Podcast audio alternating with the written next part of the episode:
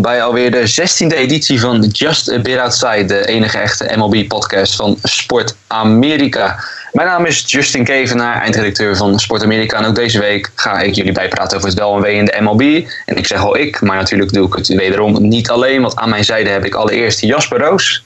Hey. En zijn collega Sport Amerika-redacteur Lionel Stute. Hey. Yes, en uh, nou goed, we gaan natuurlijk altijd, uh, zoals elke week, beginnen met ons moment van de week. Jasper, begin ik ditmaal bij jou? Ik heb er twee, net als eigenlijk altijd, want ik kan niet zo goed kiezen. Ik heb altijd uh, keuzestress. Dus ik kies er twee. Ik kies ten eerste Mark Burley, die afgelopen zaterdag zijn rugnummer retired zag door de Chicago White Sox in een schitterende ceremonie voorafgaand aan de wedstrijd tegen de Oakland A's. We komen er later nog uitgebreid op terug, maar ik vond dat een, een heel mooi moment, want Burley is een van mijn favoriete werpers aller tijden. Maar mijn echte moment van de week komt uit dezelfde wedstrijd. Waar James Shields de heuvel uh, innam voor de White Sox. En in no time uh, niet alleen ver achter stond. Maar ook nog drie Oakland A's rookies hun eerste home run van hun carrière had gegeven. namelijk Matt Olson, Rugman en Franklin Barreto. Uh, waren alle drie hun, uh, hun, hadden ze hun eerste home run aan laten tekenen tegen James Shields, die weer heerlijk potje betting practice aan het gooien was. Dus iedere keer als een rookie nu in de line-up staat, dan hoopt hij waarschijnlijk dat hij tegen James Shields mag spelen, want dan heeft hij tenminste kans op zijn eerste carrière home run, zoals zaterdag de Oakland A's. Ja, dat geeft al denk ik een beetje goed weer de, tijdlijn van de White Sox van de afgelopen 20 jaar, zeg maar. Van de, de, de, de fenomenale tijd met Mark Burley in de rotation tot de wat moeilijkere tijden van nu waar je het mee moet doen met James Shields in de rotation. Maar ja, weet je, het is een kwestie van tijd zijn hè, voordat ze er weer uh, op het niveau terugkomen waar ze ooit waren. Uh, ja, Lionel, nou ja, Jasper heeft dus een moment van zijn eigen White Sox. Uh, je had een moment voor jouw eigen team, toch? Nou ja, ik heb eigenlijk ook twee. Ik heb Billy Hamilton, maar dan twee keer.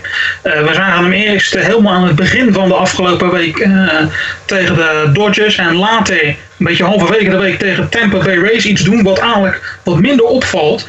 Ehm, Billy Hamilton staat natuurlijk vooral bekend als de man die heel snel kan baserunnen. Maar als je snel kan baserunnen, kan je natuurlijk ook heel snel zijn in het outfield. En dat is Billy Hamilton dus ook. Dus of de bal nu helemaal achterin tegen de hekken wordt geslagen, of juist helemaal voorin tegen de tweede honk, dat maakt voor hem niet uit. Hij kan gewoon het hele outfield bestrijken met zijn snelheid. En dat uh, zagen we deze week dus in twee verschillende wedstrijden heel goed naar voren komen. En dat uh, viel mij heel erg op.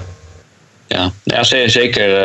Uh, mooie speler om naar te kijken. Billy Hamilton met die snelheid, inderdaad. Uh, ik ga dan toch weer meer naar de aanvallende kant voor mijn moment van de week. Uh, Nolan Arenado van de Colorado Rockies. nou ja, iedere honkballiefhebber weet het wel. De Rockies maken volgens nog een heel goed seizoen door. speelde vorige week toen we deze podcast al, al opgenomen, de vorige speels al tegen de Giants.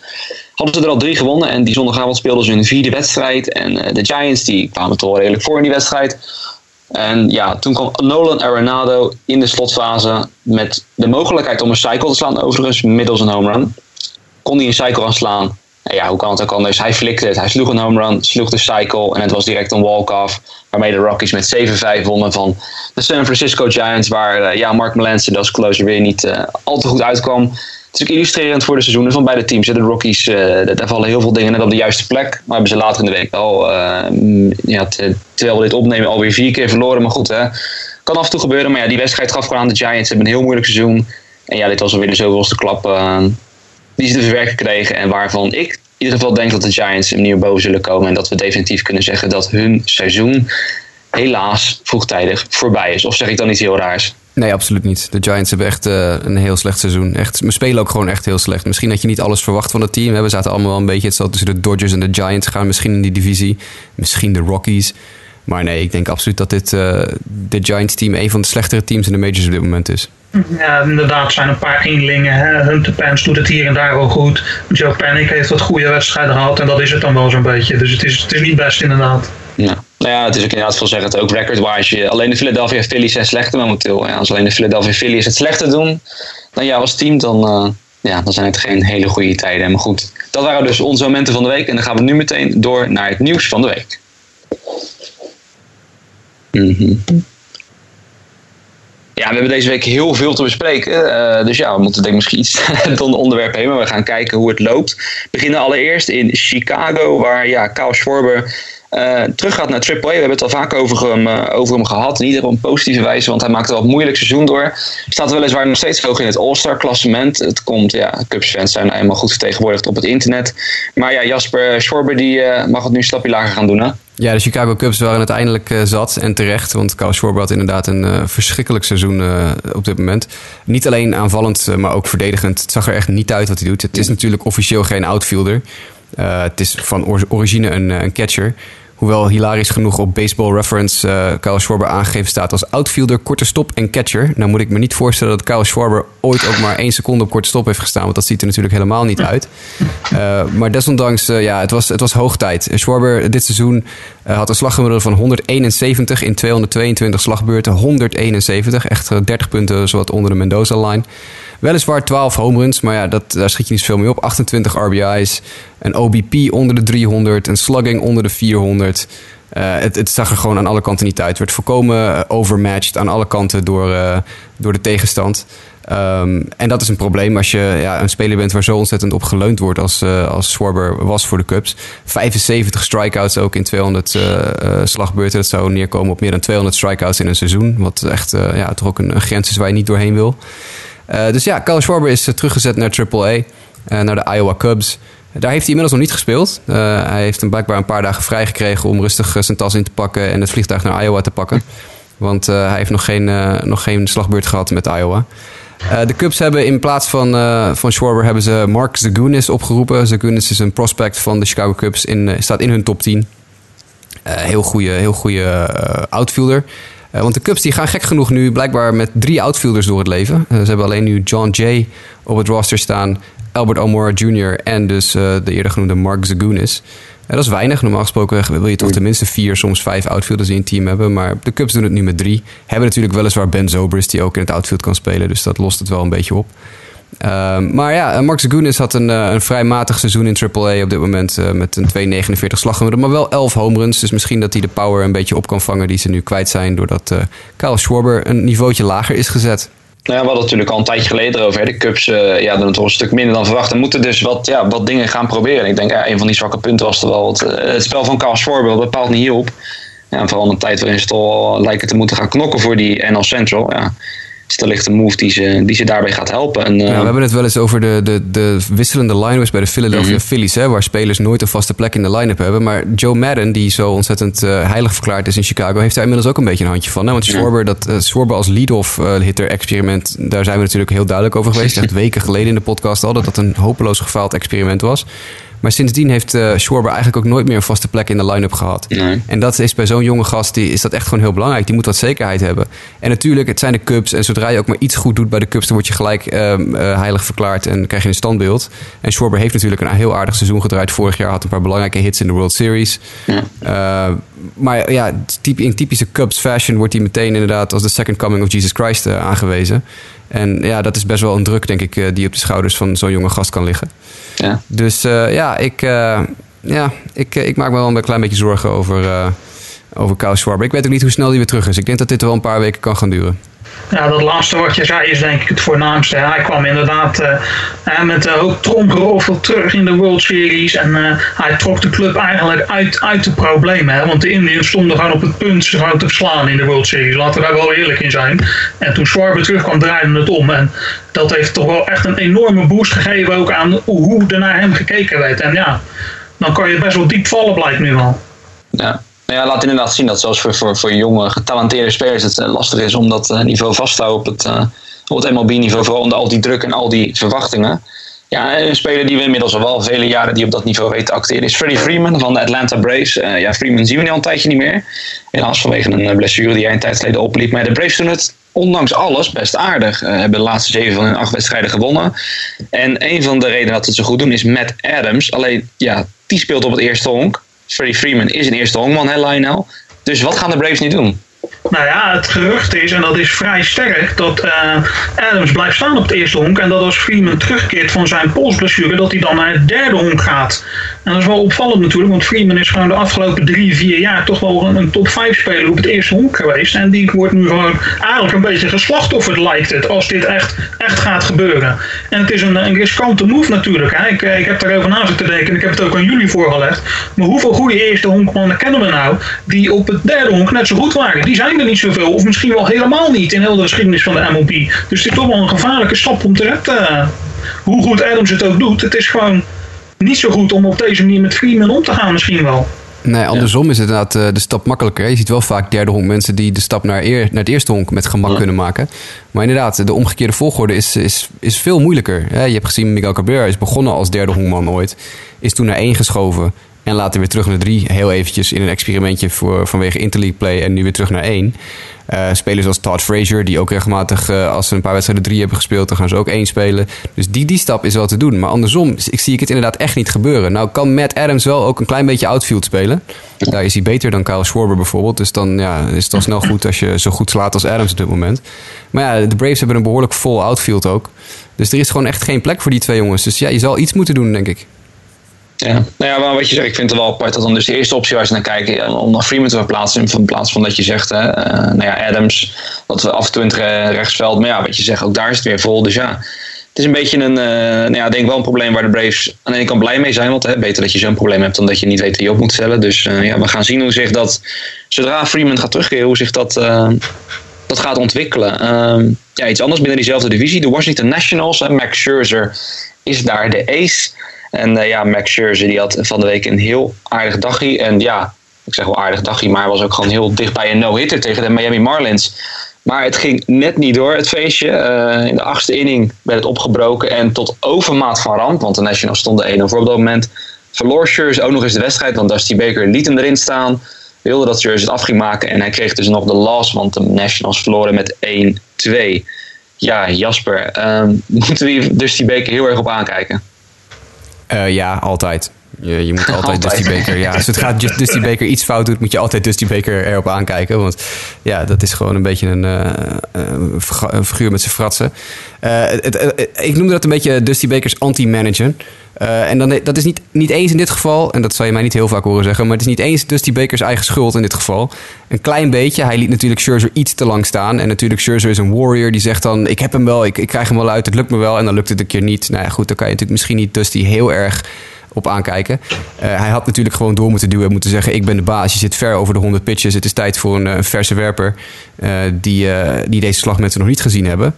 Ehm, maar goed, dat is dan tot daar aan toe. Maar wat is het grootste probleem in Washington? Er is geen bullpen. Er is gewoon geen bullpen. En uh, Dusty Baker heeft een paar weken geleden al zijn GM Mike Rizzo uh, in en plein publiek uh, een beetje voor paal gezet door te zeggen: ja, als, zolang mijn baas geen, niet zorgt voor versterkingen, dan kunnen wij ook niks doen. Mike Rizzo moet nou gewoon eens serieus aan het werk gaan.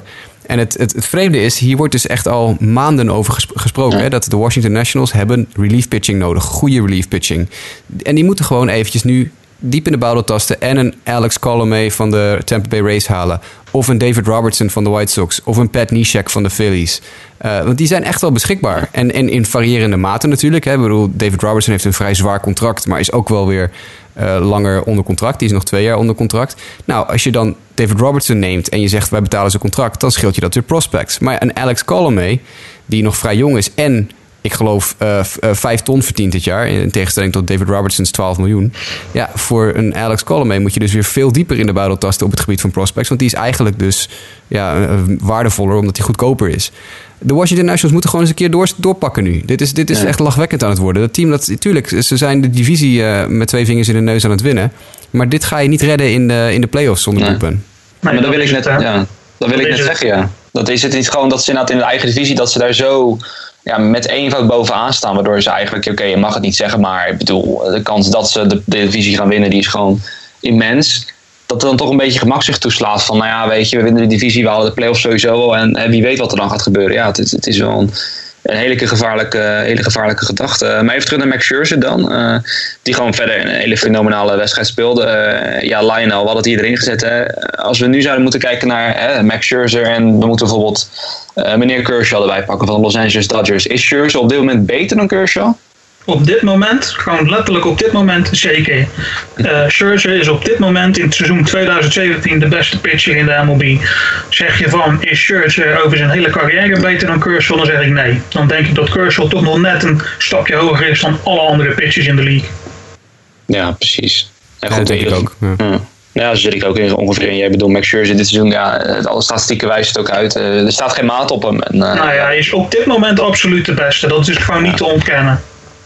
Precies, nou goed, kijk, zijn we het toch nog uh, ergens heel mooi over eens. dat is mooi. Nou goed, van Max Scherzer gaan we naar een andere hele goede werper, of althans een hele goede werper uit het niet zo heel erg verre verleden.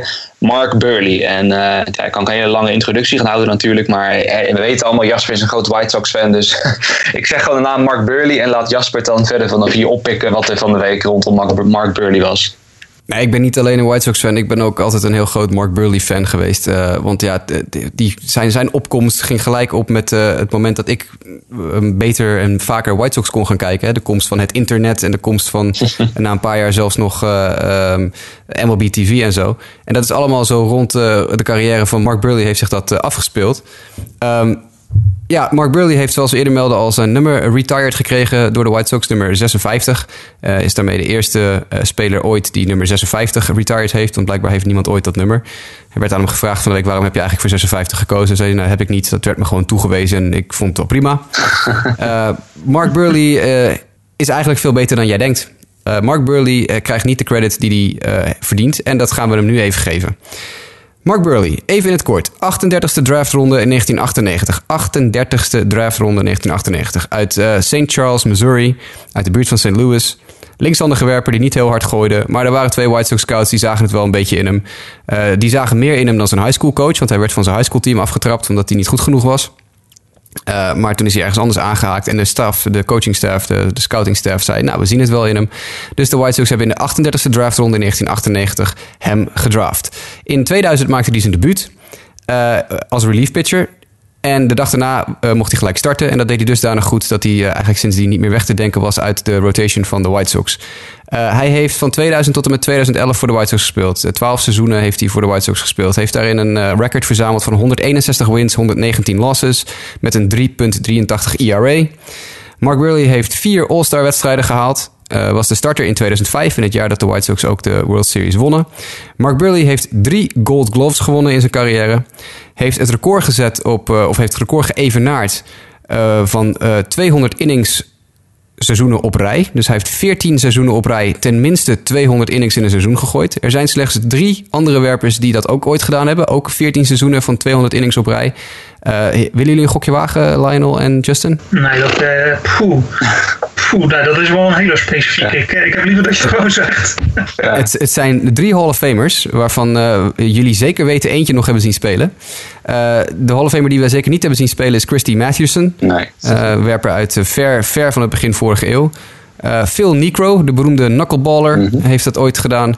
En Greg Maddox heeft dat ooit gedaan. Ja, uh, alle drie die heren zitten in de Hall of Fame. En daar is dus nu Mark Burley uh, is toegevoegd aan het rijtje van werpers die 14 seizoenen op rij minimaal 200 innings gooiden. Uh, daarnaast heeft hij het record gezet op 49 wedstrijden op rij waarin hij tenminste 6 innings gooide. 6 innings of meer gooide. ik weet nog als de dag van gisteren dat hij bezig was aan wedstrijd nummer 50. En één uit voor het einde van de vijfde inning. En dat hij dus een zesde inning zou gehaald hebben. werd hij uit de wedstrijd gestuurd door umpire Brian Gorman. Omdat hij BJ Surhoff met een uh, 72 mijl per uur change-up raakte. Uh, sindsdien hoef ik Brian Gorman ook niet meer te zien. Uh, dus zo heeft hij, ja, heeft hij net zijn 50 gemist. Maar goed, het record is 49 wedstrijden op rij en dat is in handen van Mark Burley. Mark Burley heeft 16 jaar in de Major Leagues gespeeld. 12 bij de White Sox, eentje bij de Marlins, 3 bij de Blue Jays. Hij was opening day starter van de White Sox van 2002 tot en met 2006 en 2008 tot en met 2011. Daarmee heeft hij het White Sox franchise record voor aantal opening day starts in handen. Uh, hij heeft één World Series titel, namelijk 2005. Hij is de enige pitcher in World Series history die een win en een save heeft in twee opeenvolgende wedstrijden. Dat is een vrij hilarisch verhaal. Tegen de Houston Astros uh, verdiende die in uh, game 2 de win. In game 3, dat die ging 14 innings. En op een gegeven moment waren de White Sox door hun pitchers heen. Dus toen werd hals over kop Mark Burley naar de bullpen gestuurd om uh, nog even te gaan warm gooien. Maar ja, Mark Burley was de dag na zijn start geweest. Dus die, in principe zou die absoluut niet spelen. Dus die is aan het begin van de wedstrijd gewoon lekker in, de, in het clubhuis gaan zitten. Met een paar andere werpers die niet zouden gooien. En die zijn een beetje aan het bier gegaan. Uh, en Mark Burley heeft dus, dat is hij inderdaad, heeft hij vorige week bevestigd. Met een flink aantal biertjes achter zijn kiezen. Heeft hij die 14e inning nog gegooid. en heeft hij dus een save verdiend. en daarmee is hij de enige werper in World Series history met een win en een save in twee op één volgende wedstrijden. Waarschijnlijk ook de enige werper in World Series history met een alcoholpromilage dat, waarmee hij niet de weg op had gemogen. dat is natuurlijk een vrij historisch verhaal. Laten we ook niet vergeten dat Mark Burley twee no-hitters heeft gegooid in zijn carrière. Hij heeft een no-hitter gegooid tegen de Texas Rangers. Daarin gooide hij slechts één keer vier wijd. Dat was Sammy Sosa. En hij gooide vervolgens wel meteen Sammy Sosa met een pick-off van het eerste honk af. Dus dat was een no-hitter waarin hij het minimum aantal uh, slagmensen tegenover zich kreeg, namelijk 27, omdat hij de enige uh, loper die op het honk kwam meteen eraf gooide. En hij heeft een perfect game gegooid tegen de Tampa Bay Rays. Die duurde 2 uur en 3 minuten. En dan komen we bij een volgend puntje van uh, Mark Burley. Die was super snel. Hij heeft dat ook aan Chris geleerd. Dus daarom zien we Chris ook nog steeds zo heel snel gooien. Want Chris is min of meer gementord door Mark Burley. Um, was één wedstrijd een paar seizoenen geleden toen Sale nog voor de White Sox speelde en Burley inmiddels bij de Blue Jays stond. Toen stonden ze tegenover elkaar. Die wedstrijd duurde 1 uur en 54 minuten. Dat was de snelste wedstrijd in de afgelopen vier seizoenen op dat moment. Zeggen dat honkbal dat traag gaat. Nou, dat, uh... ja, dankzij Mark Burley en Chris Sale is dat niet aan de, aan de orde. Uh, zijn snelste wedstrijd ooit was 1 uur en 52 minuten tegen de Seattle Mariners. Dat, uh, Ichiro was toen de enige die twee hits tegen Mark Burley had. Burley gooide een complete game shutout. Um, hij heeft ooit het Major League record gesteld op 45 nullen achter elkaar. Dat was in 2009. Dat record is inmiddels scherp gesteld door Yusmero Petit van de toen San Francisco Giants. Die heeft 46 consecutive outs gekregen. Burley had het record in handen, nu dus niet meer. Um, ja, wat moet ik nog meer zeggen? Dit is, uh, als je dit, dit lijstje bekijkt van dingen, dan zou je bijna zeggen: waarom is deze, deze man niet Hall of Fame waardig? Nou, laten we dat maar gelijk even tackelen. Mark Burley zal waarschijnlijk nooit in de Hall of Fame komen.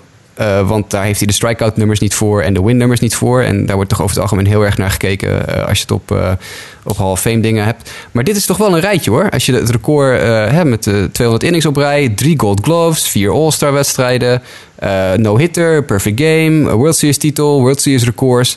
dit is wel echt een, een werk. In dat, opzicht, in dat opzicht denk jij, je hebt natuurlijk de laatste jaren, je hebt het bij Bird Blyleven gezien, je zag het afgelopen jaar bij Tim Raines. Zou Mark Burley nou een favoriet van de, van de kunnen worden die heel erg campagne voor hem gaan voeren als het straks op, op de Hall of Fame aankomt? Of is dat te ver? Het zou leuk zijn.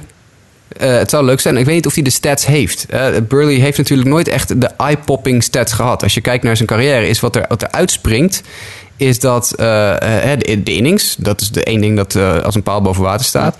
Um, zijn ERA eigenlijk altijd zo'n beetje tussen de, nou ja, laten we zeggen, 3,50 en, en, en 4,15 of zo min of meer. Hij heeft één seizoentje gehad waar hij wat minder deed. Dat was 2006, toen zat hij op 4,99. Maar voor de rest altijd eigenlijk zo'n beetje rond de 3,5. Nou, dat is goed, dat is heel nuttig. Maar dat is natuurlijk niet Clayton Kershaw level... die nog nooit boven de 2 uitkomt of zo, weet je wel. Dat is, dat is, dat is een heel ander verhaal.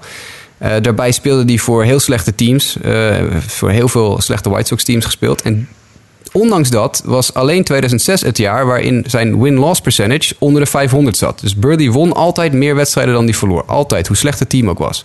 Zelfs uh, op de dramatische Miami Marlins was ja. hij nog 13 en 13. Uh, dus Burley was altijd, die, die vond altijd een manier om te winnen. Uh, hij miste in zijn laatste seizoen trouwens, 2015 met de Toronto Blue Jays, miste hij op 1,8 innings na zijn 200 innings grens. Anders dan had hij het uh, voor 15 seizoenen op rij gehaald. Maar hij kwam 1,8 innings tekort om dat te halen. Toen was er nog gecampagneerd voor, uh, voor de manager van de Blue Jays... om hem een uh, relief inningje te laten gooien om het zo te halen. Maar dat is een eikel, dus die heeft het toen niet gedaan. Um, ja, nee, Lionel, ik denk, ik denk dat hij gewoon dat, dat de stats ontbreken. Hè? Hij heeft nooit meer strikeouts dan, ik geloof, 165 strikeouts gegooid. Dat zijn natuurlijk niet totalen waar je heel erg van denkt van... wauw, dit is, dit, is, dit is een dominerende werper. Dit is een dominante figuur. Alleen, er zijn zoveel andere dingetjes die hij wel goed gedaan heeft. Hij is één keer in de top 5 van de Cy Young Award voting geëindigd. Dat was in het jaar dat de White Sox de World Series wonnen in 2005. Toen was hij en een All-Star en een All-Star Game Starter en top 5 in de Cy Young Award. Maar dat is de enige keer in zijn carrière. Ehm, vier Gold Gloves gewonnen uh, in achtereenvolgens 2009, 2010, 2011 en 2012. Dat is heel indrukwekkend, maar het is niet genoeg. Hè? Kijk, als je nou 16 jaar speelt en je wint 16 Gold Gloves, is dat gelijk een ander verhaal. Maar hij speelde 16 seizoenen en eh, won er vier dat is nog steeds beter dan ik zou doen. Maar nee, het is niet genoeg om, nee, nou ja. om denk ik in de Hall of Fame terecht te komen. Ik denk wel dat hij het gaat overleven een paar jaar op de, op de, de Hall of Fame ballot. Ik denk niet dat hij een one and done is. Je ziet wel spelers die onder een bepaald percentage blijven van stemmen. Uh, die worden dan het jaar erop mogen die niet meer op het ballot gezet worden. Die zijn er gewoon één keer en dan klaar. Ik denk wel dat Burley um, een jaar of vijf, zes op de ballot kan blijven voordat hij eraf valt. Alleen ik denk niet dat hij het gaat halen. Hij was heel populair bij de pers. Hij was altijd ontzettend uh, uh, vriendelijk met journalisten. En dat is meestal een teken dat de speler het wel een paar jaar vol kan houden. Maar ik denk dat zijn stats gewoon niet goed genoeg zijn voor de Hall of Fame. Een beetje in dezelfde categorie als zijn teamgenoot Paul Konerko. Die ook, als je dieper in zijn stats duikt, veel beter is dan mensen hem credit voor geven. En ik raad jullie allemaal van harte aan om dat een keer voor de gein te doen uh, echt veel beter dan je zou denken dan die geweest is. Alleen, ja, dat is van de categorie uh, Hall of Very Good en niet de Hall of Fame, denk ik. Ja, nou ja maar het, het is wel wat je zegt. En misschien dat dan ook bij Knurko een beetje meespeelt. Dat kan je misschien zelfs als White Sox fans beamen wat je net zei. Ja, misschien dan dat ze niet altijd bij de... Hè, ze hebben dan wel natuurlijk de World Series gewonnen in, in 2005. Maar ja, verder ook, ook heel veel mindere tijden meegemaakt. En dat er blijft dan altijd minder in het geheugen hangen van de, de casual fans, denk ik. Dan uh, de, de echte White Sox fans, zeg maar. Want inderdaad wat je zegt, je moet zelf bekennen, ik heb zelf de hoogtijdagen van de, de, de, White Sox. Toen was ik helaas nog niet een heel erg actieve honkbalvolger. Dus um, ja, meestal wat ik van Burley ken zijn vooral, uh, laten zeggen, zijn laatste twee jaar, drie jaar bij de White Sox. En daarna dan die tour langs Miami en, uh, en Toronto. Maar zelfs als je die stats ziet, verbaast het me eigenlijk dat, uh, dat ik zelf destijds een beetje indruk had van hè, Burley is een beetje richting het einde van zijn carrière. Maar zelfs die laatste drie jaar in Toronto was hij gewoon ja ja, gewoon meer dan degelijk, weet je. Gewoon een starter waarvan je, waarvan je op aan kan. En ik bedoel, als je dan erbij legt dat hij dat 15 jaar lang heeft volgehouden, ja, dat, dat, dat is gewoon heel erg indrukwekkend. Maar ja, wat je zegt, ja, is het Hall of Fame waardig? Ja, dat is natuurlijk alweer een, een ander stapje. Maar je kan denk ik niet ontkennen dat er heel veel jongens zijn uh, die nu in de minors zitten of net de majors inkomen, die, die zo'n carrière zouden willen hebben. Ja, ook um, tenminste 30 uh, starts in elk seizoen uh, sinds 2001. Uh, want in 2000 startte hij maar drie wedstrijden, want toen was hij voornamelijk een reliever. Maar vanaf 2001 dat hij vast de rotation in ging, altijd tenminste 30 starts. Nooit geblesseerd. Ik geloof dat hij één of twee keer in zijn leven op de DL gestaan heeft. Uh, ja, en dat allemaal met een fastball die niet heel ver boven de 90 mijl per uur uitkwam. Hè? Nee, dat was misschien voor de tijd toen hij erin kwam nog wel heel indrukwekkend. Maar ja, vooral later in zijn carrière dan... Uh, ja, echt een merkje. Nou, hij, hij, gooide heel ja. veel merkjes. Dat, uh, ontzett, hij kon ontzettend gericht pitchen. Hij, hij gooide hem precies. Hij heeft ook in zijn hele carrière... heeft hij één keer in zijn leven, vertelde hij van de week op de radio... heeft hij zijn catcher afgeschud. Eén keer. hij mocht namelijk mee naar de All-Star wedstrijd die in Japan gespeeld werd... in Lionel 2001, 2002? Yes, 2001. 2001. Uh, toen mocht Burley mee. En toen heeft, hij, toen heeft hij één keer zijn catcher afgeschud. Dat was zijn latere teamgenoot uh, AJ Przinsky overigens. Die toen nog niet voor de White Sox speelde. Maar uh, op dat moment waren ze pitcher-catcher in de All-Star wedstrijd in Japan. Toen heeft hij één keer zijn catcher afgeschud. En toen werd hij bijna onthoofd door een line drive van Hideki Matsui. en sindsdien heeft Burley gezegd: Ik schud nooit meer mijn catcher af. En dat heeft hij ook nooit meer gedaan. Dus dat is alles wat zijn catcher aangaf, gooide hij. Ongeacht of, het, uh, of hij het ermee eens was of niet. Want dat was, dat was het plan. En hij, hij vertrouwde blind op zijn catchers. En dat is dan, ja, vind ik altijd ook wel een mooi, uh, een mooi zijpuntje. Ja, nou ja, en tot slot om ermee af te sluiten. Want je ziet er op Baseball Reference ook... Uh, hoeveel salaris ze jaarlijks hebben gekregen. En het heeft Mark Burley ook geen winter eigenlijk zie ik hier. Want hij heeft in die 16 jaar maar liefst 138,9... Of nee, dat moet ik even zeggen. 138. En dan met 6 nullen erachter.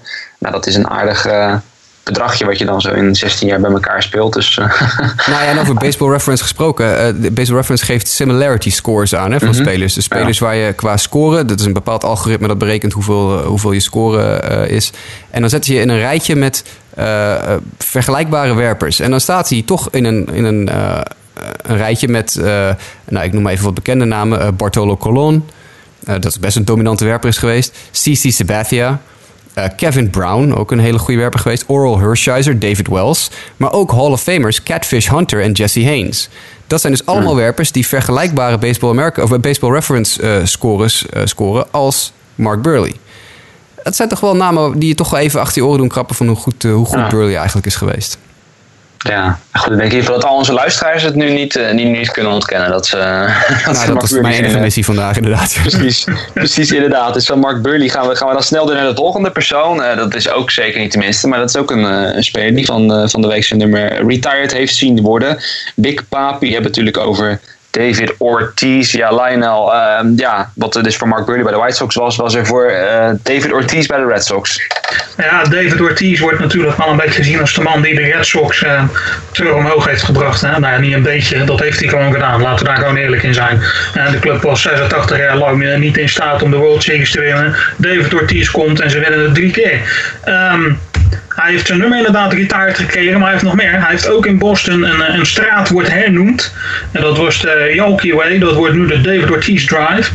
Maar hij had al een brug, Dat was de David Ortiz brug met de treffende bijnaam de Big Papi. Dus nog even een hele stratenplan van Boston is naar David hernoemd. Hè? ja, niks dan lof eerlijk gezegd. Meer kan ik er niet over zeggen, niks dan lof. Prima spelen.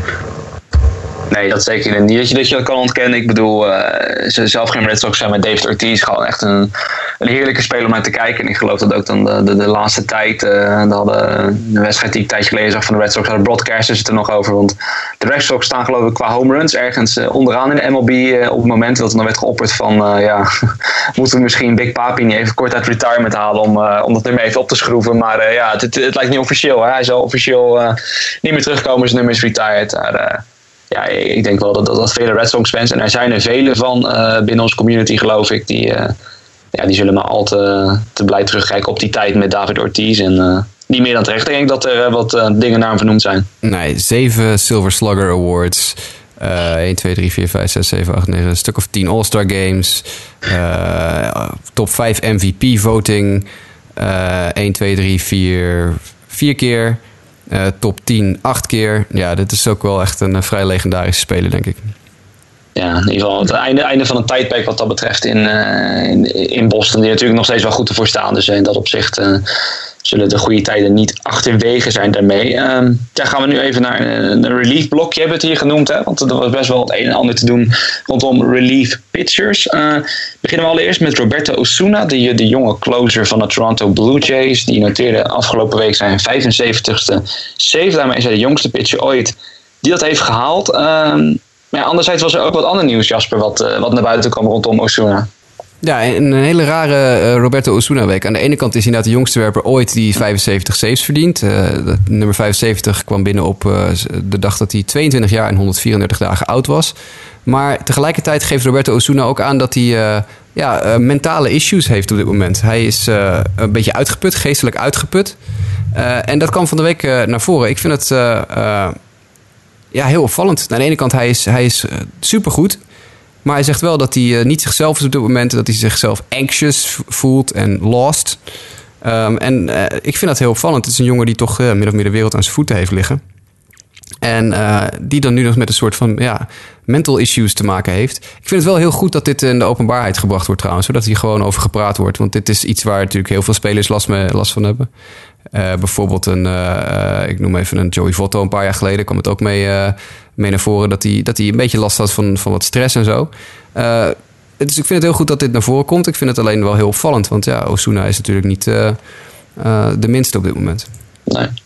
Nee, maar het is ook heel knap van, van zo'n jongen zelf natuurlijk. Ik bedoel, ah, hij is een closer. Hè. Ik bedoel, staat in Honkbal al bekend als een van de meest stressvolle jobs die er is in het, in het veld. En ja, je kan natuurlijk ook denken, als gozer van 22, uh, bij jezelf denken van, ah, nou ja, weet je, ik voel een beetje raar, maar uh, weet je, het zal wel. Ik werk me er wel doorheen. Dat dan ineens heel je prestaties eronder gaan leiden. Dus wat dat op zich is het ook vanuit hemzelf denk ik wel, wel heel slim dat hij zo, zo open erover is. Want uh, ja, dat, is misschien wel een mooi, mooi bruggetje naar iemand anders. Hè, dat ik het erover heb. Het kan effect hebben op je prestaties. Want uh, ja, Sam Dyson, we kennen het verhaal bij de Texas Rangers, was daar ooit de closer. Deed heel goed. tot, tot begin dit jaar eigenlijk ja, er niks meer van over was, letterlijk. En ja, Lionel, dat, dat zou ook een beetje gelegen hebben dat hij niet helemaal zichzelf was. Hè? Nou ja, we hebben het er pas geleden natuurlijk over gehad. Sam Dyson is naar eh, San Francisco gegaan. En hij gaf daarbij aan van ja, uh, ik ging twijfelen aan mezelf. Ik ging andere pitches zoeken dan de pitches waar ik succesvol mee was geweest in het jaar 2016. En het zat gewoon niet goed in zijn hoofd. En uh, ze hadden grote plannen met Sam Dyson in Texas. En er bleef niet heel veel van over, want ja, hij hoorde niks meer. En hij is nu, inmiddels heeft hij de eerste twee innings in, in San Francisco gegooid. En het, het gaat in ieder geval wat beter. Hè? Twee strikeouts, 17 strikes op 23 Niet heel erg slecht natuurlijk. Nee, nee, zeker als je vergelijkt met, uh, met de cijfers bij Texas. Ik heb snel een rijtje staan, maar ik kan me herinneren van heel veel wedstrijden in de negende inning. Dat, er, was geen inning waar Sam Dyson in kwam. Of het werd in ieder geval niet heel erg spannend. En ja, toen er ook nog de losses uh, aan elkaar werden gereigd. Ja, het, is natuurlijk dan heel snel om te zien natuurlijk inderdaad. Ik ben ook eens kijken, dat, dat wens je eigenlijk... weinig werpers zoiets toe. Maar het is wel goed om te zien dat hij dan in ieder geval nu weer iets positiefs laat zien in San Francisco. En ja, voor een Giants team dat alle hulp kan gebruiken. Alleen maar mooi als hij daar een, uh, een bijdrage aan kan leveren. Um, hou ik wel even bij jou, uh, Lionel. Want uh, ander nieuws is uit de NL Central, divisie van jouw Reds. Daar is Corey Knebel, de closer van de Milwaukee Brewers. Misschien niet de bekendste naam, maar hij heeft afgelopen week wel een record verbroken van nou ja, de welbekende Aroldis Chapman. Tja, Corey, ja. Uh, Corey, uh, ik zat nog te denken vorige week toen wij alle vier een, een, een, een pitchers line-up mochten maken, noemde niemand Corey. Maar ja, nee. uh, de man heeft een 0,96 ERA. Hij heeft 37 en 2 derde inning gegooid. En in die 37 en 2 derde inning noteerde hij 65 strikeouts. Als je dat omrekent, heeft hij gewoon 22 innings uitgemaakt met strikeouts. Nou is het niet helemaal precies zo gegaan. Maar het, is toch wel, het geeft wel aan hoe goed hij dit jaar bezig is. Hè? En, hij pakt nu dat record af van Aroldis Toch de afgelopen jaren een beetje de benchmark als het gaat om wat is een goede closer. En uh, ja, dat zegt toch wel iets hoe goed het ook in Milwaukee gaat, maar ook hoe goed het met Corey zelf gaat natuurlijk. Ja, ja het, het is inderdaad, het is zo'n naam en dat ligt dan misschien ook een beetje aan het, aan het team dat Milwaukee is. Ja, een naam die ook, ook voor mij een beetje uit het niets kwam. Hè. Komt dan misschien ook, Milwaukee is gewoon niet zo'n team dat je dan vaak volgt, uh, ook als casual fan niet.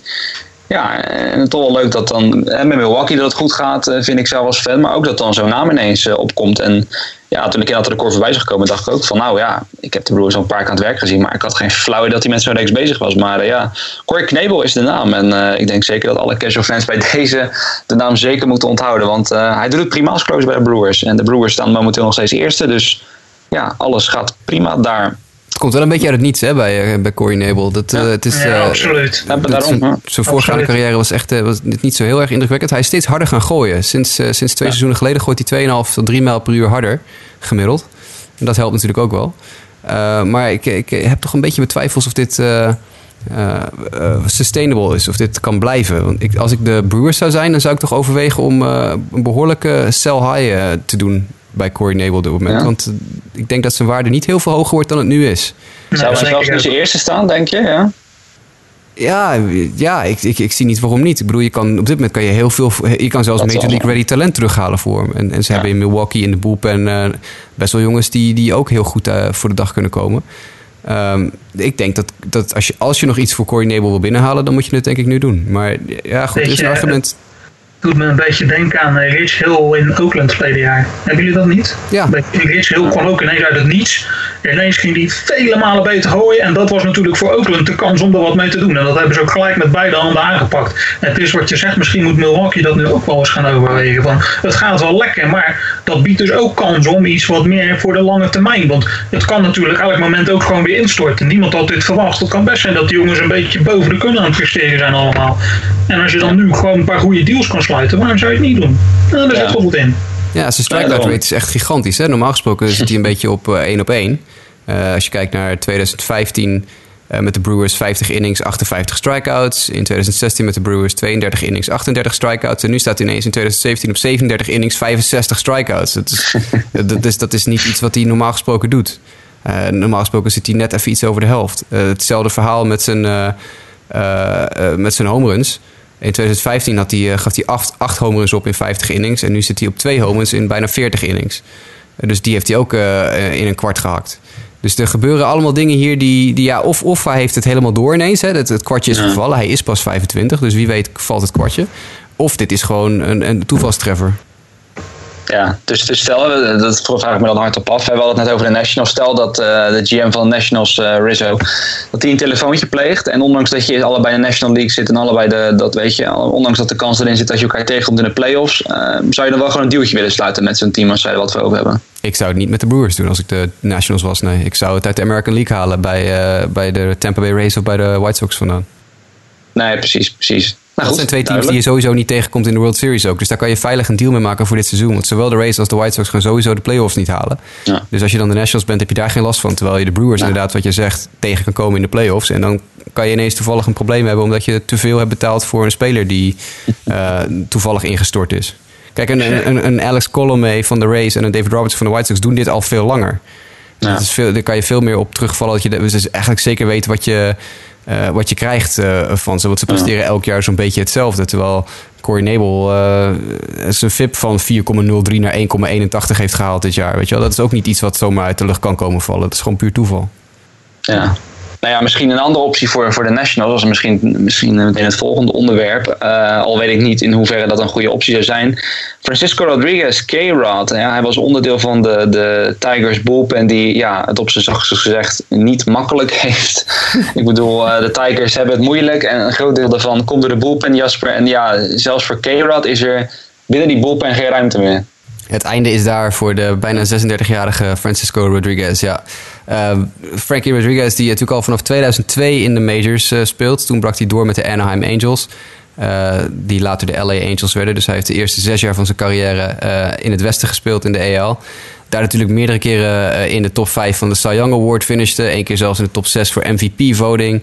vier All-Star Games gehaald. Geweldig. Een van de allerbeste relief pitchers, denk ik, die we op dat moment ooit gezien hadden.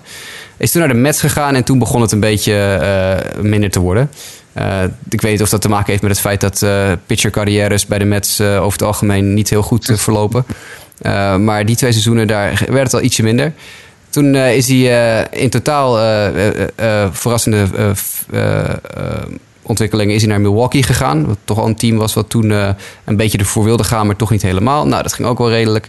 En uh, ja, uiteindelijk via Milwaukee, Baltimore, Milwaukee bij Detroit uitkwam. Vorig jaar uh, best redelijk was. Een 3,83 FIP uh, met een 3,24 ERA. Dat is heel aardig alles bij elkaar.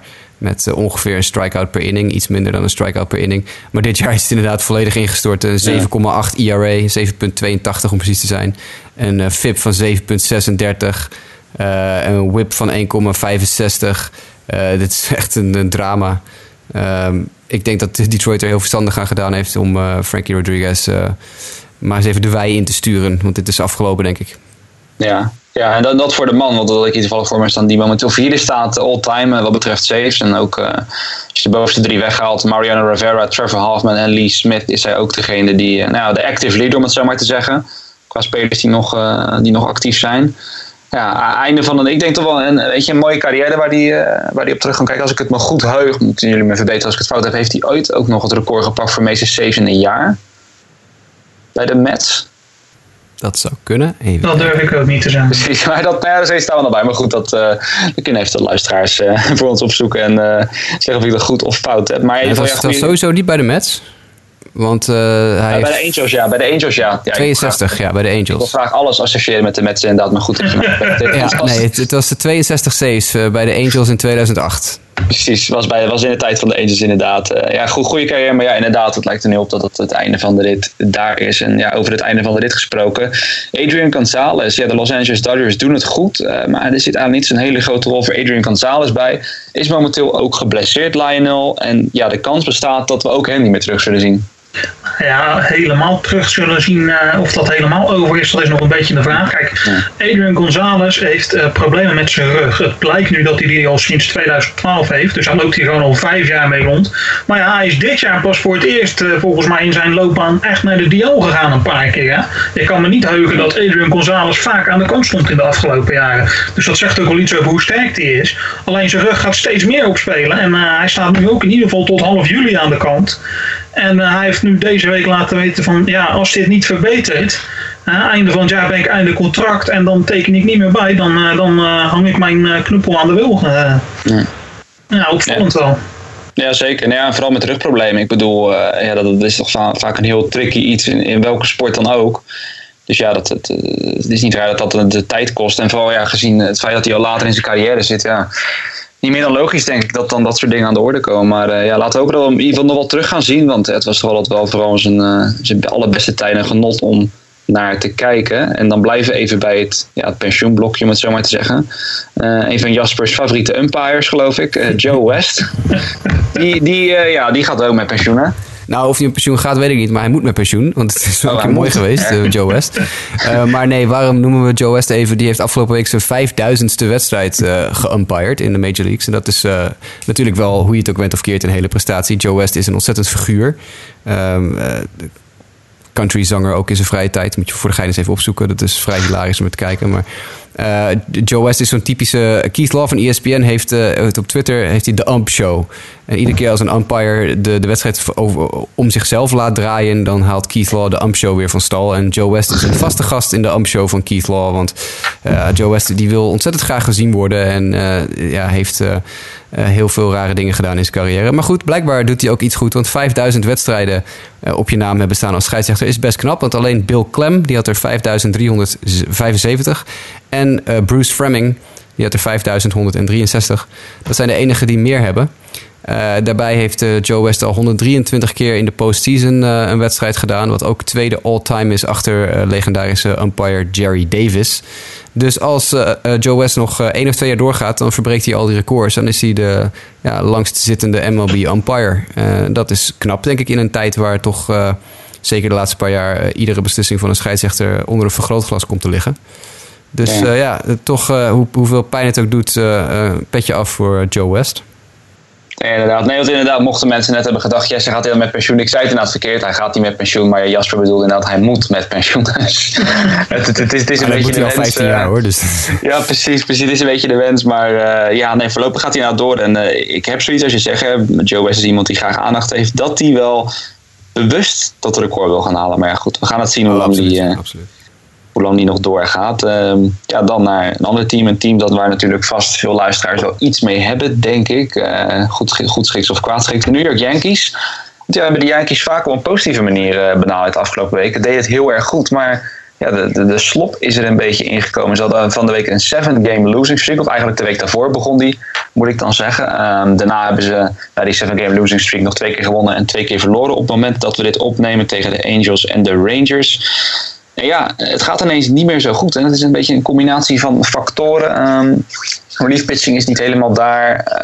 Uh, de, de, de, eerste honk is een, de eerste honk is een heel groot probleem. Chris Carter die ze hebben laten gaan, want dat, dat was niet helemaal de oplossing. Uh, ja, Tyler Austin, die hebben ze nu wel naar boven gehaald. Maar ja, het schijnt in AAA ook nog wel af en toe wat moeilijk te hebben. Is de vraag of dat de oplossing is. Um, ja, Jasper, anders hebben we hem eerst even, even aan jou. Ja, hoe groot zijn de problemen van de Yankees? Of is dit gewoon een, een tijdelijk iets? Ik denk dat het op zich een tijdelijk iets kan zijn. Uh, maar de Yankees moeten een paar, uh, een paar dingen gaan doen nu. En uh, Joel Sherman van de New York Post, dat is een sport, sportreporter van de New York Post. Die over het algemeen, die, die een van de weinige reporters is die niet speculeert. Als hij iets opschrijft, dan heeft hij, heeft echt serieus een bron of iets dergelijks. Sherman is over het algemeen heel betrouwbaar. op het gebied van, van rumoeren, zeker rondom de Yankees en de Mets. Die heeft aangegeven dat ze bij de Yankees nu één missie hebben en dat is versterken. Ehm, dat betekent dat ze ervoor gaan. En dat vind ik uh, ja, heel lovenswaardig. Dat moet je vooral doen. Het, team draait veel beter dan men van tevoren had gedacht. Dat is eigenlijk meer een soort van brugjaar, hè, wat dit seizoen zou moeten zijn. Maar uh, desondanks gaat het zo goed dat de Yankees besloten hebben... nou, we gaan er toch voor, we, we, spelen te goed. En zelfs als je dan inderdaad een week hebt, zoals afgelopen week... waarin je gewoon zeven wedstrijden op rij verliest dan is het misschien juist het moment om nu te gaan kopen. En de Yankees schijnen eh, enorm in de markt te zijn nu voor versterkingen. Inderdaad, zowel in de buurt van het eerste honk, uh, mogelijk op derde honk ook. Want Chase Hadley is daar natuurlijk ook niet de oplossing. Uh, en de pitching uh, wordt heel erg achteraan gezeten. En ja, de, de vaste koppelingen worden dan gemaakt. Hè. Dan wordt de koppeling gemaakt naar Jose Quintana, zoals altijd. De koppeling wordt gemaakt naar Chris Archer. Sonny Gray van de Oakland Athletics wordt genoemd als een potentiële trade target voor de New York Yankees. En zelfs minor league, top minor leaguer Clint Frazier wordt nu genoemd als potentiële trade bait. Die kunnen ze gaan gebruiken als, als ze over willen gaan tot het aankopen van betere spelers. Todd Frazier wordt genoemd als potentiële vervanging van Chase Hadley. Ik zie niet heel erg in of Frazier nou zoveel beter is dan Hadley. Ja, misschien defensief wel, maar aanvallend brengt hij ook niet zo heel veel meer dan Hadley doet. Dus dat zie ik niet zo snel gebeuren. Maar de pitching wel hoor. Ik denk dat een Sonny Gray of een Jose Quintana absoluut eh, uitstekend in New York zou kunnen passen. En als ze dat goed spelen, als de Yankees, en Brian Cashman is over het algemeen een GM die dat heel goed uit kan spelen. Uh, als hij dat slim doet, dan kunnen de Yankees zo weer op het paard zitten richting de playoffs hoor. Geen probleem. Ja, nou ja, en, en daarbij, ik denk ook dat, misschien wat versterking voor de boep en uh, ook geen kwaad kan. Ik weet niet of jullie hebben een beetje kunnen volgen hoe Tyler Clipper's week is verlopen. Maar het, Tyler Clippert, uh, met reliever die ik doorgaans wel als uh, vrij betrouwbaar beschouw, die, die heeft echt een afschuwelijke week. Dus hij heeft, uh, afgelopen nacht heeft hij ook weer vier runs opgegeven toen ze al achter stonden. Uh, van de week was er ook een wedstrijd. Toen hadden ze juist een voorsprong. Die wedstrijd wonnen ze overigens ook van de Angels. Als een voorsprong van zes runs uh, wilden ze Tyler Clipper toch even wat speeltijd geven. En dan gaf hij de Pardoes weer drie op. waardoor, waardoor er toch een closer in moest komen. Ja.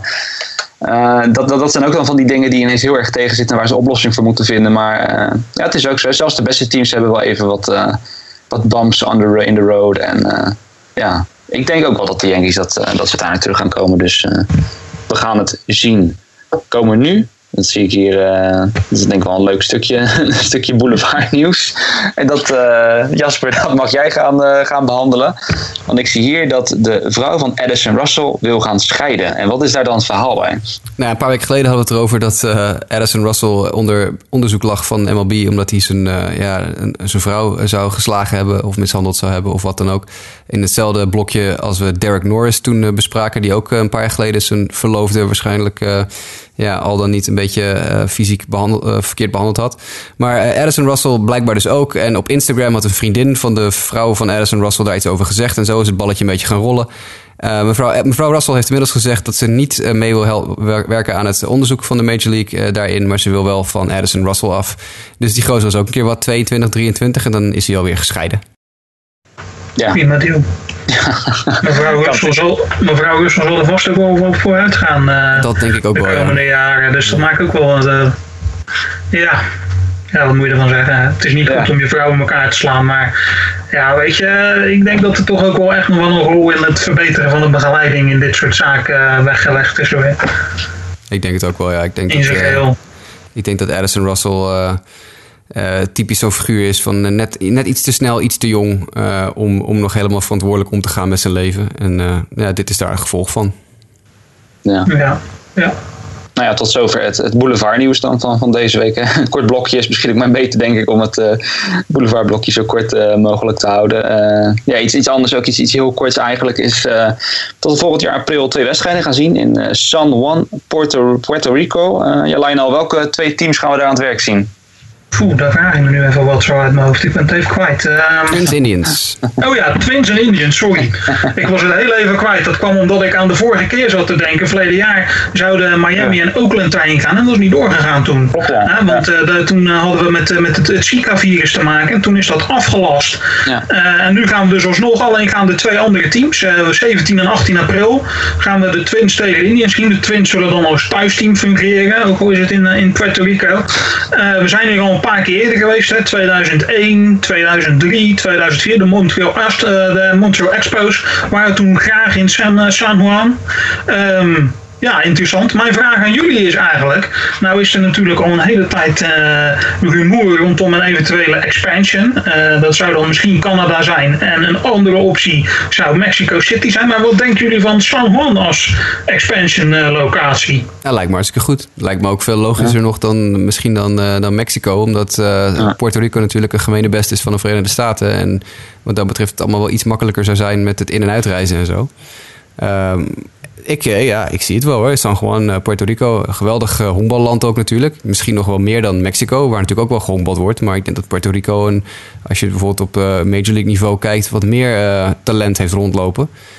ik denk dat je daar wel iets voor kan zeggen, ja. Het is wel natuurlijk een heel klein, een relatief klein eilandje. Niet zo'n niet zo'n grote stad als Mexico City. Dus de vraag is of je dan elke wedstrijd die daar gespeeld wordt ook wel uitverkoopt. Op een gegeven moment hebben mensen zoiets van... ja, ik kan wel blijven gaan... maar ja, als je dat stadion vol wil hebben... moeten ze ongeveer dezelfde mensen moeten elke dag gaan. Terwijl in Mexico City wonen zoveel mensen. Dat uh, is qua verkoop, qua, qua marketing misschien iets slimmer.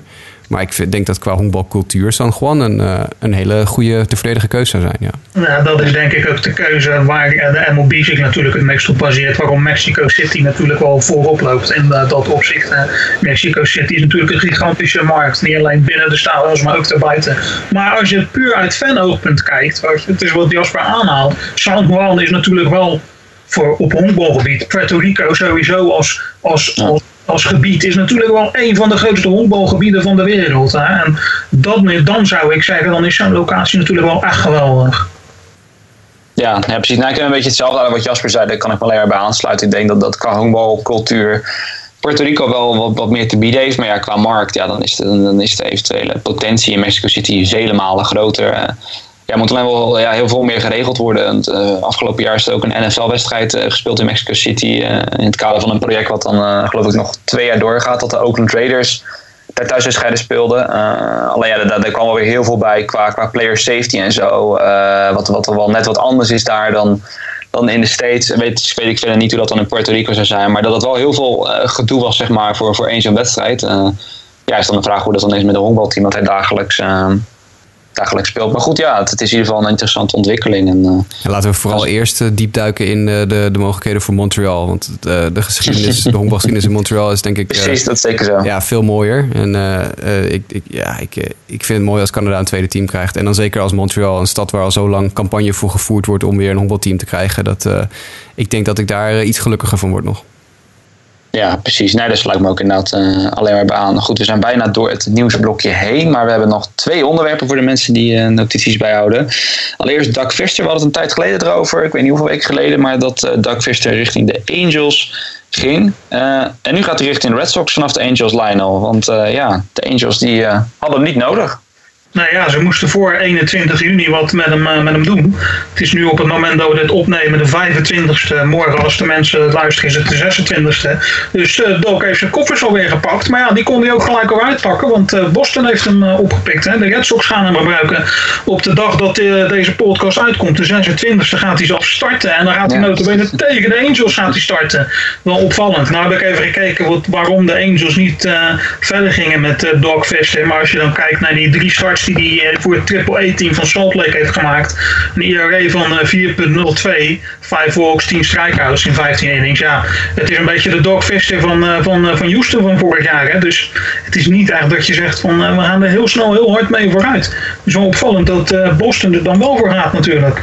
Ja, ja, het wordt in ieder geval wel wat je zegt. Op het moment dat we het opnemen, moet die wedstrijd nog komen. Maar ik, uh, ja, dus we kunnen helaas mensen niet op attenderen van ga die wedstrijd kijken. Maar dan is sowieso wel heel interessant om terug te kijken. Nadat Dak First uitrekenen tegen de Angels gaat starten. En uh, ja, ik zie dan ook alweer de honkbalgoden ervoor aan dat hij dan gewoon een hele degelijke wedstrijd speelt. En dat de Red Sox gewoon uh, winnen in een wedstrijd waarin Fister uh, zes shot uit innings gooit of zo. Maar goed, we gaan het zien wat, wat de honkbalgoden voor ons daarop hebben bedacht. Het laatste stukje dan, hè, want de MLB draft die is voorbij. En dat betekent maar één ding, dat de trade rumors aankomen. Want de trade deadline die komt steeds dichterbij, Jasper. En ja, één naam die we daarin heel erg vaak voorbij zien komen is een, zeker de jongen van de Miami Marlins. Ja, Adeni Hatcheveria, de korte stop van de Miami Marlins. Uh, alle, alle pijlen wijzen uh, richting hem als uh, de eerste speler die een grote, of in ieder geval een, een, stap zou maken binnen uh, dit seizoen naar een ander team. de Marlins zijn hem hard aan het shoppen, want ze zijn dusdanig gecharmeerd van korte stop JT Riddle. dat ze met hem verder willen en niet met Varia. Dus de kans bestaat dat tegen de tijd dat deze podcast uitkomt, dat Varia al een ander uniform draagt dan dat van de Miami Marlins. Um, maar ja, er komen er wel meer aan hoor. Er, wordt, uh, er zijn rumoeren rondom uh, Michael Franco van de Philadelphia Phillies. Net als Pat Neshek van de Phillies. Uh, Lucas Duda van de Mets schijnt, die wordt gelinkt aan de Yankees. Want de Yankees hebben problemen op het eerste honk. Dus ja, dat hebben we eerder al geconcludeerd. Dus Duda zou dan een mogelijkheid zijn. De, de Tampa Bay Rays, zoals ik al zei, worden genoemd als een potentiële een team dat wel wat spelers wil uh, kwijtraken. Uh, Rick Hahn, de GM van de White Sox, heeft vorige week na de draft gezegd: uh, Oké, we zijn klaar met de draft, nu kan het los. Oftewel, nu kunnen we de boel gaan uitverkopen. Uh, dus het, uh, ja, de trades uh, gaan eraan komen. Dit, de, zitten nu ongeveer een maand voor de trade deadline. dit wordt een, een, denk ik een hele leuke maand. Er zijn voldoende teams die, die willen kopen. Er zijn voldoende teams die op wat voor manier, zij het via de wildcard of zij het in spannende divisies, in de running zijn om een postseason plekje binnen te slepen. Dus er zijn voldoende teams die willen kopen, maar er zijn ook voldoende teams die nergens heen gaan en die graag willen verkopen. Dus het kan wel eens een heel erg hete zomer en een heel erg druk maandje worden de komende paar weken. Ja, inderdaad, een bruggetje daarvoor gaan we meteen door naar, naar ons volgende, volgende item naar de break. Want uh, ja, gaan we naar het gedeelte bij Yourself, waarin dus elke week een redacteur uh, ja, een bepaald team of speler aan mag geven. Dus daar gaan we nu meteen even heen.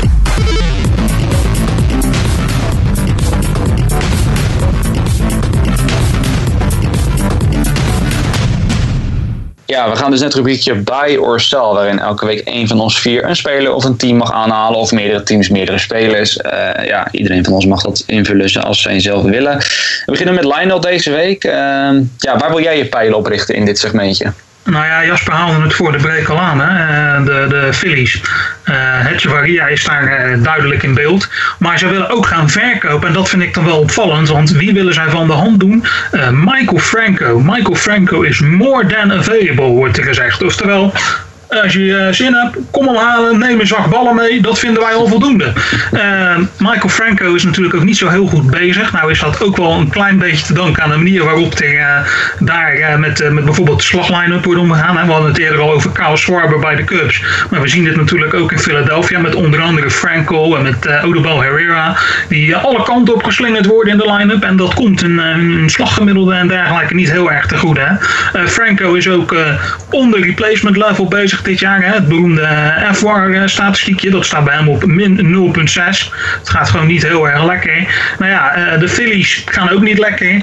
de Phillies zijn eigenlijk aan het rebuilden. Maar vooralsnog hebben ze nog geen steen gelegd. Dus um, ja, wat gaan we dan doen? Nou ja, en een van de opties is dus om Michael Franco van de hand te doen. Um, wat ik daarnaast heel opvallend vind, is dat uh, ook uh, Pat Nishek misschien wel eens weg kan gaan. Nou is Pat Nishek niet in de uitverkoop zoals Michael Franco dat is. Maar ja, Pat Nishek is wel lekker bezig. Dus er zijn wel wat teams die wel geïnteresseerd zijn. En uh, een goed bod kan altijd een overweging genomen worden. Dus ik denk dat de Phillies wel eens heel actief kunnen gaan zijn de komende weken. Daar ben ik eigenlijk wel van overtuigd als ik dit hoor. Ja, ja, en zeker met een man als Pat Niche. Ik bedoel, als je kijkt, uh, Pat is bijna 37 jaar oud, uh, maar ja, speelt wel het beste honkbal uit zijn leven zo'n beetje. Lijkt me niet meer net logisch als, als Phillies zijnde dat je er wat gaat doen. Ook als je dat team ziet, hè, ik bedoel, we hadden het ook vooraf een beetje over, ja, het is, ze zijn aan het rebuilden, maar ja, als je de huidige line-up ziet. Ik, ik weet niet wat jullie gevoel daarbij jullie naar kijken. Maar waar word je nou echt blij van? Als je, als je de Phillies ziet, zeg maar. Als hoe dat momenteel als roster in elkaar zit. Is er, is er iets waarvan, ik wel bij jou Jasper. Waarvan je zegt van nou, daar, daar kan ik wel vrolijk van worden. Nou, heel weinig. Ja. Uh, ik, uh, ik, ben, ik, ik, was altijd wel gecharmeerd van Vince Velasquez. Die, uh, die jonge pitcher die ze van de Astros gekregen hebben in de Ken Giles deal. Maar ook Velasquez is dit jaar niet om aan te zien. Uh, nee, er is heel weinig waar ik uh, bij de Phillies vrolijk van word. Misschien Freddy Galvis, maar ja, dat is ook maar een beetje een middelmatig figuur. Uh, ik was altijd wel een beetje van Odubel Herrera, maar ook dit jaar is dat niet echt heel erg om over naar huis te schrijven. Ik, ik weet niet, ik zit heel erg te wachten op bijvoorbeeld een, een JP Crawford. de korte stop uit de minor leagues die eraan zit te komen. en Reese Hoskins, een power-hitting eerste hongman. Uh, dat zijn een beetje de jongens waar ik op zit te wachten voor wat betreft uh, de Phillies. Maar wat er nu in de majors rondloopt, uh, inclusief manager, daar denk ik niet dat ik, dat ik heel veel naar ga kijken, nee. nee, want inderdaad, jij bent natuurlijk erg van de, weet je, een beetje van de, de prospect watches en dat soort dingen. maar, maar, maar, hoe zit dat van de Phillies dan eigenlijk in elkaar? Is dat een beetje goed in elkaar? Of? Ja, wel redelijk hoor. ze hebben een aantal power hitters. Zoals ik al zei, die Reese Hoskins is een, is een hele goeie. Die staat ook echt weer lekker te beuken in, in AAA. ze hebben er nog een paar. Uh, JP Crawford is hun nummer 1 prospect, zoals ik al zei. Dat is een korte stop. Super talent, echt, eh, echt gaat hartstikke goed. Uh, die in de AAA op dit moment nog wat, wat, wat aanpassingsprobleempjes heeft. Maar vorig jaar in AA echt heel goed was. Mickey Moniak, hè, de draftpick, mm -hmm. de mhm. eerste ronde first overall van vorig jaar, outfielder. Die is nog wel een paar jaar verwijderd hoor van de, van de majors. Maar die staat heel aardig te spelen in single A. catcher Jorge Alfaro is een hele goede. Uh, werper Sisto Sanchez vind ik een hele goede, goede pitcher. Die heeft een harde fastball, hou ik altijd wel van. Roman Quinn is een goede outfielder. Uh, Dylan Cousins is een beetje van dezelfde categorie als Reese Hoskins. Maar Cousins is ook uh, een hele prettige. nou, Nick Pevetta, die hebben we al gezien. Die is al in de majors op dit moment. Cornelius Randolph is een goede outfielder. Ja, er zit wel voldoende hoor bij de, bij de Philadelphia Phillies... om, om, om, om iets te kunnen gaan doen in de komende paar jaar. Maar uh, ja, ze, ze, zullen eerst van de, de troep in de, uh, in de majors af moeten voordat ze deze jongens kunnen laten doorstromen. Ze zijn hier en daar, komt er wel eens eentje tussendoor. Hè? Ben Lively, die gooide gisteren ja. Uh, zaterdagavond tegen de, de Arizona Diamondbacks. Sloeg ook zijn eerste Major League home run toen. Dat is ook wel een goede rechtshandige werper hoor. Dat is, die kan ook wel een aardig balletje gooien. Ben, ben Lively, ik, twee weken geleden heb ik hem even kort genoemd in mijn, mijn wekelijkse rubriekje op Sport Amerika. Ben Lively zet prestaties neer die Phillies pitchers in de afgelopen 60 jaar niet hebben neergezet. Zo. Precies. Afgelopen 50 jaar. Dus dat is inderdaad wel iemand waar je dan een beetje op kan bouwen. Maar ja, inderdaad, de mannen waar we de afgelopen jaren van zeiden bij de Phillies, van daar kan je een beetje op bouwen. Dat is bijvoorbeeld Michael Franco. En ja, dat is nu dus alweer een, een pronkstuk om in de uitverkoop te doen, om toch maar weer verder door te gaan bouwen. Dus ja, ja het, is, het, is, het is niet echt best in uh, Philadelphia op dit moment. Hè? Nee, en, en, en, ook qua, qua werpers. Hè. Ik bedoel, uh, zodat we dat groepje. Hè. Je, je noemde net Vince Velasquez, maar met Jared Eichhoff en, en Aaron Nola. Dat moest een beetje de, de, de groep worden waar de rotation echt voor jaren op voortgebouwd kon worden. Nou, Nola had geloof ik de, de laatste twee starts alweer aardig op de rit. Maar had, had ook een wat, wat moeilijk begin. Jared, Jared Eichhoff, die, die is nu geblesseerd, maar die begon ook niet al te best. Hij had geloof ik geen enkele win in zijn paar, paar eerste starts.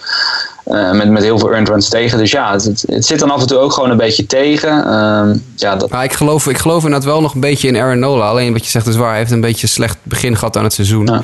Maar in potentie is dat nog wel iemand die misschien het, het roer kan rechten. Kijk, een, Jeremy Hellickson en, uh, en zo, dat, dat weten we allemaal wel hoe dat zit.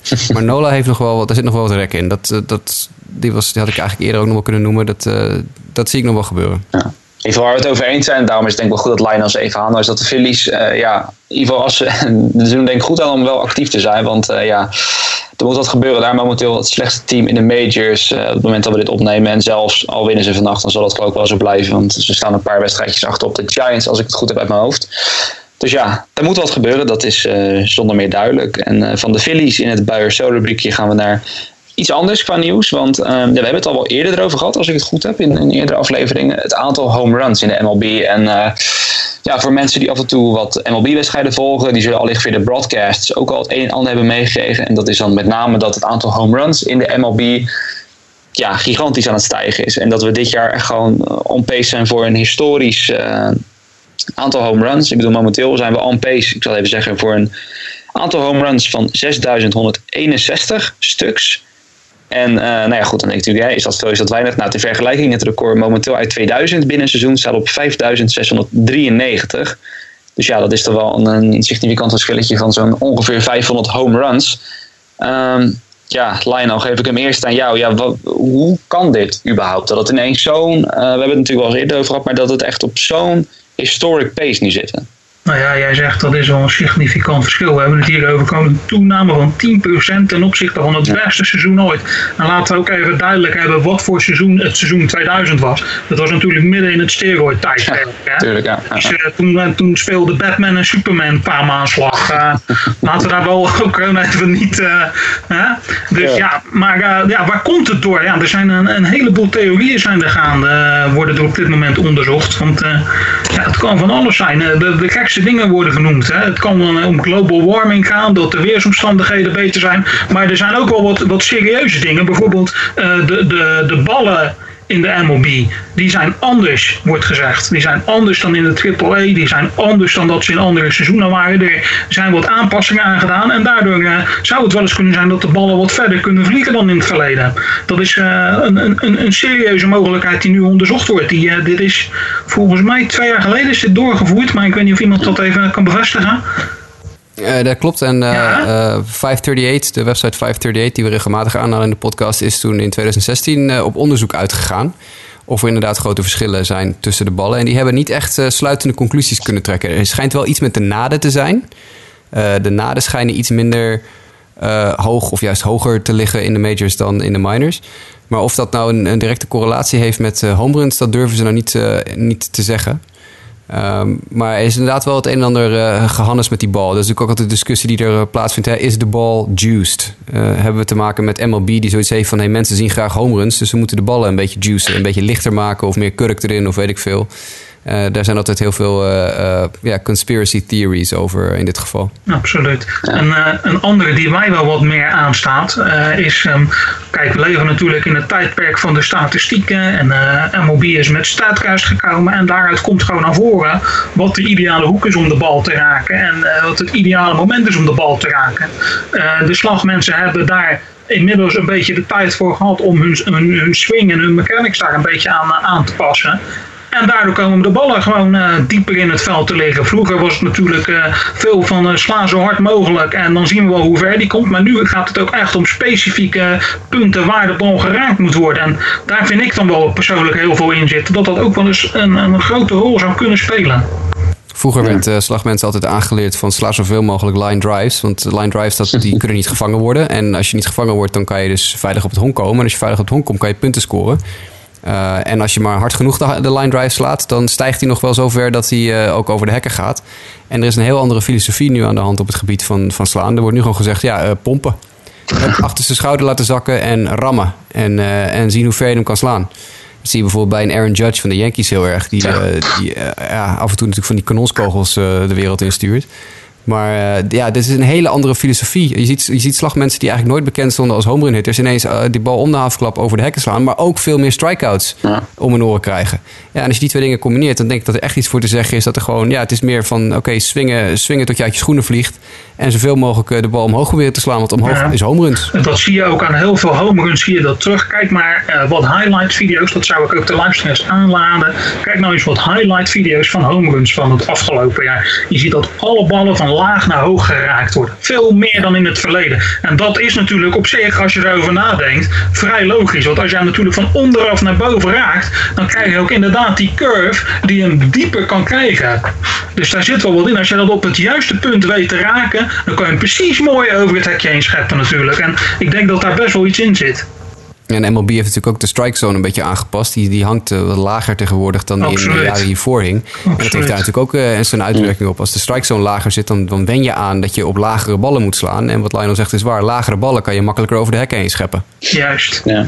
Ja, het, is ook wel wat Lionel net uh, terecht aanhad. Hè. Ik bedoel, het jaar 2000 was dan met het zogeheten steroid era. Maar als je een beetje kijkt naar de afgelopen jaar, is het wel bizar. Ik bedoel, we, kijken even naar in 2014. Toen zaten we in een één jaar zaten op 4186 home runs. Dat zijn er gewoon 2000 minder dan zeg maar het pace waar we nu op zitten. En dan hebben we het gewoon over drie jaar geleden. Ik, ik bedoel, daarna is het, wel gaan stijgen, is het wel langzaam gaan stijgen. In 2015 kwamen er 800 home runs bij. 2016 kwamen er 700 home bij. En dan zouden er nu op 2016 en 2017 zouden er, hè, als we dit tempo voortgaan, wat nog de vraag is. Hè, want in de zomer is de kans dat het nog verder zal gaan stijgen. Maar op dit moment zouden dan op een ja, uh, vooruitgang van 500 home runs zitten. Het is wel bizar dat het dan in, in drie jaar zo hard gaat. Gewoon 2000 home runs meer. Ja, nou, inderdaad. En wat je zegt is absoluut waar. Hè. De, het, het, wordt nu zomer. De, je zag het gisteren toevallig bij uh, White Sox Oakland zat ik te kijken. Daar was het bloedheet in het stadion. Ja. Uh, en dan is het al zo'n ontzettende lanceerplek.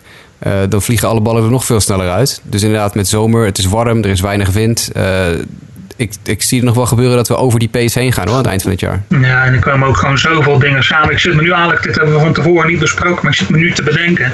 We hebben het eh, de laatste tijd al een paar keer over gehad, dat er zoveel goede jonge talenten doorkomen. We hebben ook gewoon een hele goede generatie honkballers te maken. Hè? Misschien dat dat ook nog wel meespeelt. Dat gewoon, we nu gewoon allemaal jongens hebben die gewoon heel goed die ballen kunnen raken. Beter dan uh, zeg maar de 20.000 spelers die we in de afgelopen 100 jaar in de Major League hebben gezien. Ja, misschien niet zozeer dat ze grotere talenten zijn, maar ze zijn veel beter begeleid. Ja, Ze worden van veel jonger af aan worden ze al veel beter getraind in, in, op technische vlak en op uh, inderdaad uh, het statistieke vlak, wat, wat Justin al aangaf. Van, hè, waar moet je de bal raken? Uh, welke launch angle moet je bereiken? Wil je een, een home run slaan? Dus deze jongens worden van heel jongs af aan, in plaats van waar je 40 jaar geleden een knuppel kreeg en hey, succes, ga maar, ga maar een beetje slaan is het nu echt van hier heb je een knuppel en heb je uh, twee multimappen vol met uh, statistische analyse van de werper van die je tegenover je hebt vandaag en de boepen die je tegenover je hebt vandaag en uh, hoe, hoe je de bal moet raken, waar je de bal moet raken, wat het kleinste stuk van het stadion is, waar je naartoe moet mikken enzovoort enzovoort. plus dat feit dat werpers natuurlijk veel harder gooien nu dan, dan vroeger. Ja. Dus ja, de, de, de minke minus plus of twee keer twee is vier. hoe je het maar ook wil, wil noemen. Als die bal harder komt, kan je hem ook verder wegslaan. Ja. Het is eigenlijk heel simpel. Waar je vroeger misschien een uh, 4,95 mijl per uur fastball uh, met regelmaat om je oren kreeg, is het nu 8,99 mijl per uur. Nou, dan gaat die bal gaat sneller voor je knuppel af als je hem raakt. Ja. Ja, wat, wat wel apart is, want die discussie hebben we natuurlijk ook vaak. En die, daar zit ik ook ineens aan te denken. Dat staat hier wel een beetje gelijk aan. Dat, we hadden het net erover hè, met de Mark Burley. Daar gingen wedstrijden heel snel omdat, uh, hij een, een complete game shutout had. Hè. Ik bedoel, dat helpt wel bij het tempo van de wedstrijden. Van die wedstrijden die maar in 1-0 eindigen en waar één werper de volledige negen innings gooit. Uh, ja, zo zat ik laatst naar een wedstrijd tussen de Braves en de Giants te kijken. Die geloof ik 11-10 werd. En ja, het, het is wel leuk, die ballen die er overal uitvliegen qua entertainment. Maar het gevolg is wel dat je per team zo'n 4, 5 pitching changes hebt. En dat je gewoon naar een wedstrijd zit te kijken die 3,5 uur, misschien wel 4 uur uh, voortduurt. Dus ja, dus je wilt natuurlijk meer afgezet MLB zijn. De vraag is dan alleen wel of dat wel een beetje helpt bij, bij je missie om het spel sneller te laten verlopen. Maar ja, ik weet, ja, uh, ja, ik weet, ik weet niet of jullie, of jullie wat, wat jullie dan hebben. Hebben jullie liever, uh, begin ik wel bij jou, liever een complete game shutout? Of hebben jullie liever zo'n wedstrijd die 11-10 eindigt en uh, ballen die overal het stadion uitvliegen? Ja, ik heb liever een lekkere combinatie daarvan. Ik kan, de ene dag kan ik ontzettend genieten van een, een goed pitcher duel. Dat is ontzettend cliché hoor, wat ik nu, uh, wat ik nu zeg. Maar ik vind het ook wel eens een keer leuk om lekker wat puntjes te zien.